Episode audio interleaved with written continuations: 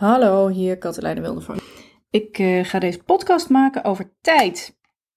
Ja, daar is natuurlijk echt heel veel over te vertellen. Maar de aanleiding daarvoor is dat uh, ik een keer in een interview zei van ja, mensen die altijd maar te laat komen, als er iets niet helpt, is zeggen ga dan gewoon wat eerder weg. En toen kreeg ik uh, appjes en vragen van mensen van ja, maar wat helpt dan wel?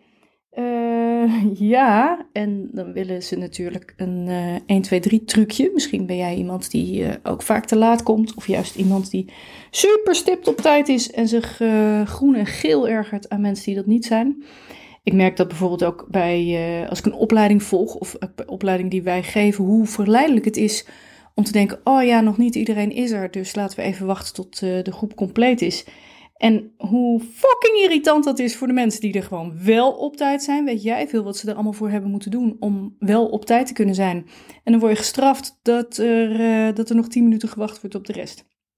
Nou, dat zijn maar even zo wat aspecten van uh, het uh, fenomeen tijd in het dagelijks leven. Nou, wat kom je nog meer tegen met tijd? pubers die hun nest niet uit kunnen komen en daardoor maar niet met moeite op school zijn partner die zegt van uh, ja, ik ben vijf minuutjes later. En dat je dan 25 minuten later denkt, interessante vijf minuten waren dit. Um, vergaderingen, dat jij degene bent die over de gang iedereen loopt bij elkaar te plukken en te roepen. En uh, dat je denkt, uh, waarom is iedereen niet gewoon door op het moment dat we dat met elkaar hebben afgesproken? Maar ook dingen als um, ben je gevoelig voor belonen? Ben je gevoelig voor straffen? Um, hoeveel leef je in het nu? Uh, al dat soort dingen heeft te maken met tijd. Nou, tijd zou je zeggen is een heel simpel fenomeen, namelijk wat de klok zegt. Maar dat is helemaal niet zo. Allereerst is er natuurlijk een groot verschil tussen biologische tijd en de kloktijd. Uh, het, uh, in, in, ik heb een keer een onderzoek gelezen waar blijkt dat onze biologische tijd net iets afwijkt van dat ritme van 24 uur, wat we ook maar gewoon bedacht hebben. En dat als je mensen uh, dus zonder klok laat leven, dat dan langzaam maar zeker hun tijdsbeleving wat gaat verschuiven. En dat we dus juist niet in dat 24 uur ritme zitten.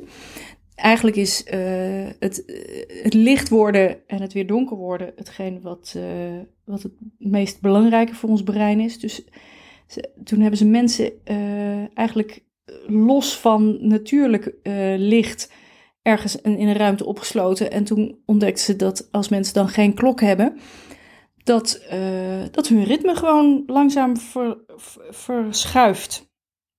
Dus dat is ook alweer interessant. Er zijn mensen die een bioritme hebben dat ze laat naar bed gaan en dus eigenlijk niet houden van vroeg opstaan. Dus er is.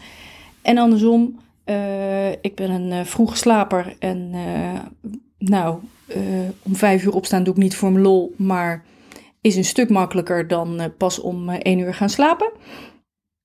Dus over tijd valt van alles te vertellen en ik doe het even vanuit het uh, fenomeen NLP psychologie. Wat je misschien niet bewust bent, is dat tijd een constructie is in je brein.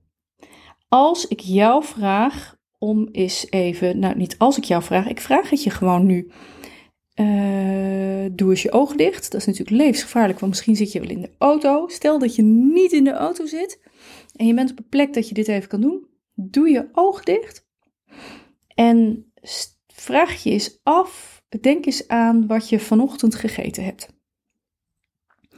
Nou, dat is op zich al uh, interessant, want de een kan dat heel makkelijk bedenken en de ander moet daar echt uh, voor in allerlei kronkels. Bedenk eens wat je gisteren gegeten hebt. En ga eens na een activiteit die je een week geleden gedaan hebt. En wijs eens met je vinger in de richting waar jij denkt, voelt dat je die informatie vandaan haalt. Dus wijs eens in de richting waar gisteren en vorige week voor jou ligt. En dat kan alle kanten op. Dus dat kan zijn dat is voor je, dat is links van je, dat is achter je. Ik ga zo meteen uitleggen uh, waar dit op slaat. En dan ga ik je eens vragen: heb je enig idee, um, nou iets in de toekomst, wat je volgende week uh, maandag gaat doen? En als je denkt aan volgende week maandag, in welke richting gaan jouw gedachten dan? En stel dat jij de toekomst in zou moeten wijzen, waar zou jij dan naartoe wijzen? En doe dat ook maar eens met je hand. Nou, dus dan zou je uh, met, je hand naar het, eh, met je ene hand naar het verleden wijzen en met je andere hand naar de toekomst. En doe je je ogen weer open. En dan kijk je zo eens van waar wijs ik nou eigenlijk naartoe? En dan trek je een denkbeeldige lijn tussen dat verleden en die toekomst door het heden heen. Nou, vaag zitten. Ik ga je uitleggen hoe het zit. Uh, we hebben in de NLP ontdekt dat je uh, verschillende voorkeuren kunt hebben in hoe je met tijd omgaat. En die voorkeuren hebben ermee te maken.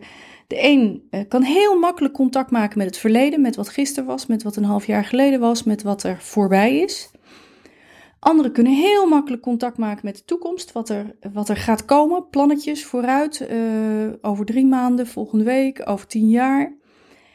En er zijn mensen die een voorkeur hebben voor het nu, die dus heel makkelijk in het nu kunnen zijn. Wat is er nu en wat ga ik daarmee doen? Dat betekent niet dat je maar één van die drie dingen kan, maar dat betekent wel dat je daar een voorkeur voor hebt. En het maakt nogal uit wat voor voorkeur je hebt. Uh, iets heel praktisch. Ik heb een, uh, een, een, dochter met een uh, enorm toekomstfilter, zo noemen we dat. Heb je voorkeur voor een verledenfilter, heb je een hedenfilter of heb je een toekomstfilter? En uh, mensen met een heel krachtig toekomstfilter heeft niet zo heel veel zin om straf te geven. Want die zijn al lang weer vergeten wat ze ook alweer gedaan hadden. Maar mensen met een heel krachtig toekomstfilter belonen werkt waanzinnig. Want dan uh, zeg je tegen zo'n vierjarige pup van als je nou dat en dat, dan gaan we volgende week dat en dat. Alles komt met dit meisje als je het maar in de toekomst positioneerde. Ik heb daarentegen ook een gup die een ontzettend hedenfilter heeft. Dus dat is een, dat, ken je die van uh, Winnie de Poe? Die dan vraagt een tijgertje, uh, wat voor dag is het vandaag? En dan uh, zegt tijgertje, het is vandaag. Oh, zegt Poe, dat is mijn lievelingsdag. Winnie de Poe leeft ontzettend in het nu. En zo eentje heb ik er ook. Toen hij drie was, banjerde hij al zo door het grasveld van de achtertuin van... Hey, een bij, goh, een leuke bloem. Oh, wat is het hier mooi. En dat is eigenlijk nooit veranderd, dus die kan s morgens wakker worden en denken... Oh, ben ik vandaag jarig? Goh, was ik vergeten. Nou, dat dus. En uh, nou, ik heb in dit gezin geen verleden mensen. Uh, dus daar, daar ken ik zo niet de enorme voordelen van uh, in de dagelijkse praktijk. Maar er zijn ook mensen die heel makkelijk terug kunnen kijken. En uh, nou, een voordeel daarvan is dat je ook uh, van je fouten leert, dat je uh, weet wat er allemaal gebeurd is, dat je. je ziet al dat ik haper, hè? Nou, dat heeft er dus alles mee te maken dat ik een nul verledenfilter heb. En uh, ik ben er niet zo dat ik voor de podcast even alle theorietjes op een rijtje ga zetten, want daar worden mijn podcasts niet smeuiger en, uh, en, en uh, soepeler van. Dus het gaat gewoon lekker zo. Um, als ik op vakantie ben geweest, ook al was het een fantastische vakantie, ik kom terug, mensen vragen was je vakantie, dan moet ik dus echt gewoon nadenken, hoe was mijn vakantie? Waar ben ik ook alweer geweest? Aan de andere kant een dag geen plannetje gemaakt voor de toekomst, is een dag niet geleefd. Nou, wat heeft dat dan weer dus met die oefening van net te maken? En die kan je natuurlijk eens een keer op, op je gemakje doen, want ik deed hem net quick and dirty. Je kan ook uh, in, in opleidingen, wordt dat veel uitvoeriger gedaan. Maar als je zo'n lijn trekt van verleden naar heden naar toekomst, dan krijg je um, jouw tijdlijn. En die is voor iedereen anders. De een die heeft het verleden rechts liggen, de ander links, weer een voor, weer een achter. En dat is hoe jouw brein tijd opslaat. Los van kloktijd, hè? En je kunt je voorstellen dat als het verleden achter je ligt, dat je daar minder makkelijk contact mee maakt. Dus dat je ook niet zo snel bedenkt wat er geweest is. En je zou je ook kunnen voorstellen dat als de toekomst achter je ligt, in plaats van voor je, wat bij veel mensen het geval is dat de toekomst dat ze die voor zich hebben liggen. Maar stel dat jij intuïtief, onbewust je tijd zo georganiseerd hebt dat je toekomst achter je ligt, dan is het minder makkelijk om daar zicht op te hebben. Nou, dan heb je ook nog de variaties van, uh, kun jij je hele tijdlijn dus zien? Dus ligt bijvoorbeeld het verleden rechts van je en de toekomst links van je en het heden net zo voor je dan heb je meer overzicht. dan heb je ook meer vat op de tijd, als het ware, dan wanneer het allemaal achter je ligt of door je heen loopt. Nou, ik heb mijn tijdlijn zo georganiseerd dat ik uh, eigenlijk niet zicht heb op mijn, op mijn hele tijdlijn. Uh, want verleden ligt achter me, heden gaat door me heen, uh, toekomst ligt voor me. En omdat ik dus dat heden niet zo voor me zie, moet ik keihard werken om op tijd te komen. Ik kom op tijd hoor. No problem. Maar nou, ik, ik heb van iemand anders gehoord dat ze dit ook zo heeft. Dus ik durf het gewoon hardop te zeggen. Als ik bijvoorbeeld ergens om 12 uur moet zijn, dan heb ik s'morgens bedacht hoe laat moet ik weggaan en uh, wat kan ik in de tussentijd nog doen. En dan komt er in die tussentijd komt er nog iets anders. En dan denk ik, nou weet je, ik kan ook wel een kwartiertje later weg. En dan moet ik mijn hele tijd weer opnieuw organiseren, als het ware, in mijn brein. Van hoe lang moest ik dan ook alweer echt weg? En hoe lang ging ik er ook alweer doen? En hoe lang moet ik dan in de auto stappen? En dus ik ben daar, dat kost heel veel energie. Ik zie het ook aan uh, dochterlief, die uh, als zij naar school moet, dan heeft ze een tijd dat ze weg wil. Maar dat is niet de tijd dat ze weggaat, want tussen weggaan en weg willen en weg zijn zitten dan ook nog weer stappen. En die stappen heeft ze ook allemaal in haar hoofd. En daar kan je het heel druk mee hebben. Dus er zijn mensen die fantastisch op tijd komen en daar heel veel tijd en energie aan moeten besteden. Je hebt ook mensen die de tijd zo in de vingers hebben dat zijn mensen die hun hele tijdlijn overzien, dat ze niet eens hoeven na te denken, dat ze gewoon als het ware voelen hoeveel er nodig is om ergens op tijd te komen. Overigens ben ik er met zo eentje getrouwd, dus die heeft een ontzettend goed gevoel voor tijd. Mm. En um, is wel altijd net twee, drie minuten te laat. Wat ik dan weer een reet irritant dingetje vind. Want ik vind twee minuten te laat te laat. Wat dat betreft is het maar goed dat ik niet in Zuid-Europese landen uh, bivakkeer. En dat heeft weer met iets anders te maken.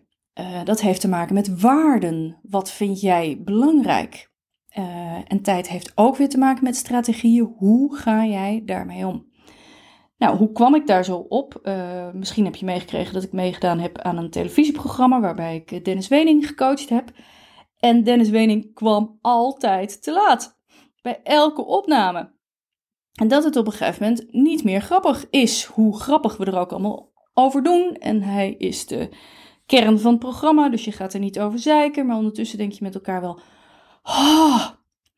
En uh, gelukkig ben ik NLP-coach en mocht ik mijn NLP-coaching uh, op hem loslaten. Dus ik ging onderzoeken wat nou maakte dat hij uh, steeds weer te laat kwam. En eigenlijk uh, was dat iets heel simpels, want we hadden het er net al over, hè, dat uh, je een opleiding volgt of, of iets, of dat jij naar een vergadering moet en jij bent op tijd en vervolgens moet je nog leuren en, en, en zeulen dat andere mensen ook komen.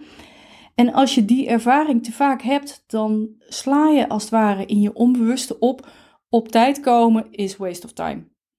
Want anderen doen het ook niet.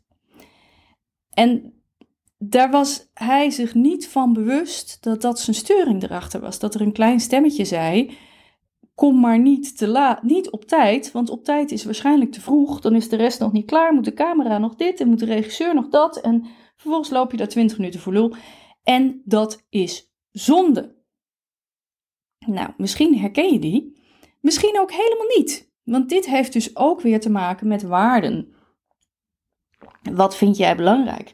Vind jij uh, rust belangrijk? Is rust een belangrijke waarde voor jou? Zou het maar zo kunnen zijn dat je denkt: 20 minuten te vroeg? Oftewel op tijd zijn, maar 20 minuten voordat er wat gaat beginnen. Ha, lekker. Bakkie doen, met mensen kletsen, even landen voordat ik aan de slag moet. Nou, met zo eentje ben ik dan ook weer getrouwd, die het helemaal niet erg vindt om weer ergens te vroeg te zijn of zinloos tijd te moeten ver, verspijkeren. Als ik ergens zit te wachten, word ik ongedurig, want in die tijd had ik van al die ideeën die in mijn kop zitten, minstens drie kunnen uitvoeren. Dus waarom zit ik hier? En hij vindt het allemaal helemaal prima, want hij heeft niet zoveel met nut, maar wel met rust. Nou, mijn dochter Idem Dito, die is liever een kwartier te vroeg op school dan precies op tijd, want dat geeft rust. Ik heb dat een keer in een uh, strategieloopje. Voor wie dat niet weet wat strategie is. Strategie is dat eigenlijk alles wat vaker gebeurt in jouw leven, heeft een vast patroon. Dus als jij steeds weer met dezelfde persoon, soort personen ruzie krijgt, of als jij steeds weer te laat komt, of als jij steeds weer in een echtscheiding belandt, dan zit daar een strategie achter. Hetzelfde als jij steeds weer de staatsloterij wint, of nee, maar dus ook in positieve zin. Hè? Als jij steeds weer in staat bent om een fantastische lezing te geven, als jij steeds weer in staat bent om uh, liefdevolle vriendschappen aan te gaan, als jij, dat, daar zit ook een strategie achter. En um, nou, dat is mede een gedachte van NLP. Zoek uit hoe het patroon is dat steeds weer tot eenzelfde resultaat leidt. Nou, zo heb ik ook weer op dat thema te laat komen een keer een strategie-elicitatie, zo heet dat dan, gedaan met iemand. En daar kwam eigenlijk iets vergelijkbaars uit als met, met Dennis. Zo van, uh, ja, maar als ik uh, te vroeg ben op mijn werk, dan is dat zonde. Dan had ik thuis nog even lekker die cappuccino kunnen drinken en nog even dat laatste leveltje van uh, Candy Crush kunnen spelen. Weet ik veel, Candy Crush is volgens mij zwaar passé, dus nu val ik door de mand dat ik dat soort spelletjes niet meer speel. Zonde van mijn tijd. Um, en toen ik die strategie echt met haar liep, dus gewoon echt in de ruimte, fysiek. Dus dit is wat je denkt, hoort en voelt als je opstaat. Dit is wat je denkt, hoort en voelt als je aankleedt. En zo zijn we het hele proces doorgelopen totdat ze op haar werk kwam. En toen voelde ze dat omdat ze er alles aan doet om niet te vroeg op de werk te zijn, want dat is zonde van mijn tijd, dat ze dus eigenlijk altijd net te laat met hartkloppingen op de werk was, waardoor ze het eerste half uur van de werk nou eigenlijk niet zoveel waard was, want ze moest eerst kalmeren. Dus toen hebben we een nieuwe strategie geïnstalleerd, waarbij ze iets eerder op de werk is en voelt hoeveel rust dat in haar lijf gaf, waardoor het ineens wel de moeite waard werd. Nou, in dat zinnetje de moeite waard zit natuurlijk het woord waard, zit waarden. Wat is belangrijk voor jou? Dus als je mij vraagt, iemand komt steeds maar te laat, wat moet ik daaraan doen? Dan is niet mijn advies, zet nog een wekker extra of zet de wekker 10 minuten eerder of ga met de auto in plaats van met de fiets, want dan ben je sneller. Want dat is natuurlijk getrut. Dat zijn dingen die iemand zelf ook al bedacht heeft. Ten eerste is het dus kennelijk, we, leven ook van uh, pain, op de pain-pleasure as. Dus is de pain van het te laat komen kleiner dan de pleasure van, uh, te, van uh, zeg ik het goed? Ja, de pain van het te laat komen is kleiner dan de pleasure van het te laat komen. Want door het te laat komen kan je kennelijk iets anders wel doen of iets anders vermijden. Namelijk nutteloos uh, voor je gevoel toch te vroeg zijn. Of nog wel even dat Candy Crush level doen. Of. Mm. Oh ja, ik heb nog een keer eentje, ook een uh, elicitatie met iemand gedaan van hoe doe je te laat komen. En toen bleek dat dat haar stiekeme verzet aan de wereld was. Fuck it, ik kom te laat. Dat is mijn manier om uh, een klein beetje dwars te liggen. En dat heeft natuurlijk weer een grote historie. Dat iemand in zijn leven zo ontzettend veel in de pas heeft moeten lopen. Dat hij allerlei kleine maniertjes is gaan vinden om, om, om ja, te muiten, om te protesteren. Nou, dan kun je ook weer samen uitzoeken van... Uh, is dat nu nog waardevol voor je om op die manier te muiten? Net zo luister een oude podcast dat ik het heel lang nodig heb gehad om een klein beetje te sjoemelen. Bijvoorbeeld door een, uh, door een plastic tasje bij de supermarkt uh, niet op de band te leggen, maar gewoon mee te nemen. Omdat er dus kennelijk een enorm stuk in mij zit van. Um, ik heb niet genoeg gekregen in mijn leven en ik neem het wel terug. Ja, dit klinkt heel, um, als ik dit zo zeg, denk oh dier, oh dier, dit is uit uit context misschien helemaal niet te volgen. Maar waarschijnlijk ook weer wel en ga je die podcast dan een keer opzoeken, ook prima. Maar er zit dus heel veel onder vaak, wat maakt, dus dat kan zijn uh, hoe iemands tijd georganiseerd is, nou, ben je dan doomed als jij een tijdlijn hebt waardoor je geen overzicht hebt? Wel, nee. Ten eerste hebben alle voorkeuren, verleden, heden en toekomst, hebben hun voor- en nadelen. Zoals ik echt het heerlijk vind dat ik een man heb die in het nu leeft. Dus als ik uh, een avondworkshop of wat dan ook gegeven heb en het is leuk, je kan al aan mijn stem horen dat ik me verbind met hem. Want mijn tonaliteit. Ik ga langzamer praten, mijn stem gaat omlaag, mijn lijf wordt rustiger, doordat ik me afstem op zijn in het nu zijn energie. Dus het is hartstikke lekker om een partner te hebben als ik die, die zo in elkaar zit. En als ik een avondworkshop heb gehad, dan bel ik hem ook altijd even. Ik heb even aarde nodig, ik moet even weer in het nu belanden. Andersom heeft hij aan mij iemand met plannetjes, met reuring in de tent, met, uh, nou, hij heeft van mij het fenomeen verheugen. Uh, nou, of hij het geleerd heeft, weet ik niet, maar in elk geval ontdekt dat dat bestaat. Dat er iets in de toekomst is waar je blij van kan worden, waar je van gaat kwispelen. En dat is ook wat waard. Um, en de goede luisteraar heeft door dat ik het verleden gewoon weer een soort van wegsjoemel. Want mijn hoofd denkt, oh ja, en wat is nou het voordeel van vooral een verleden filter hebben?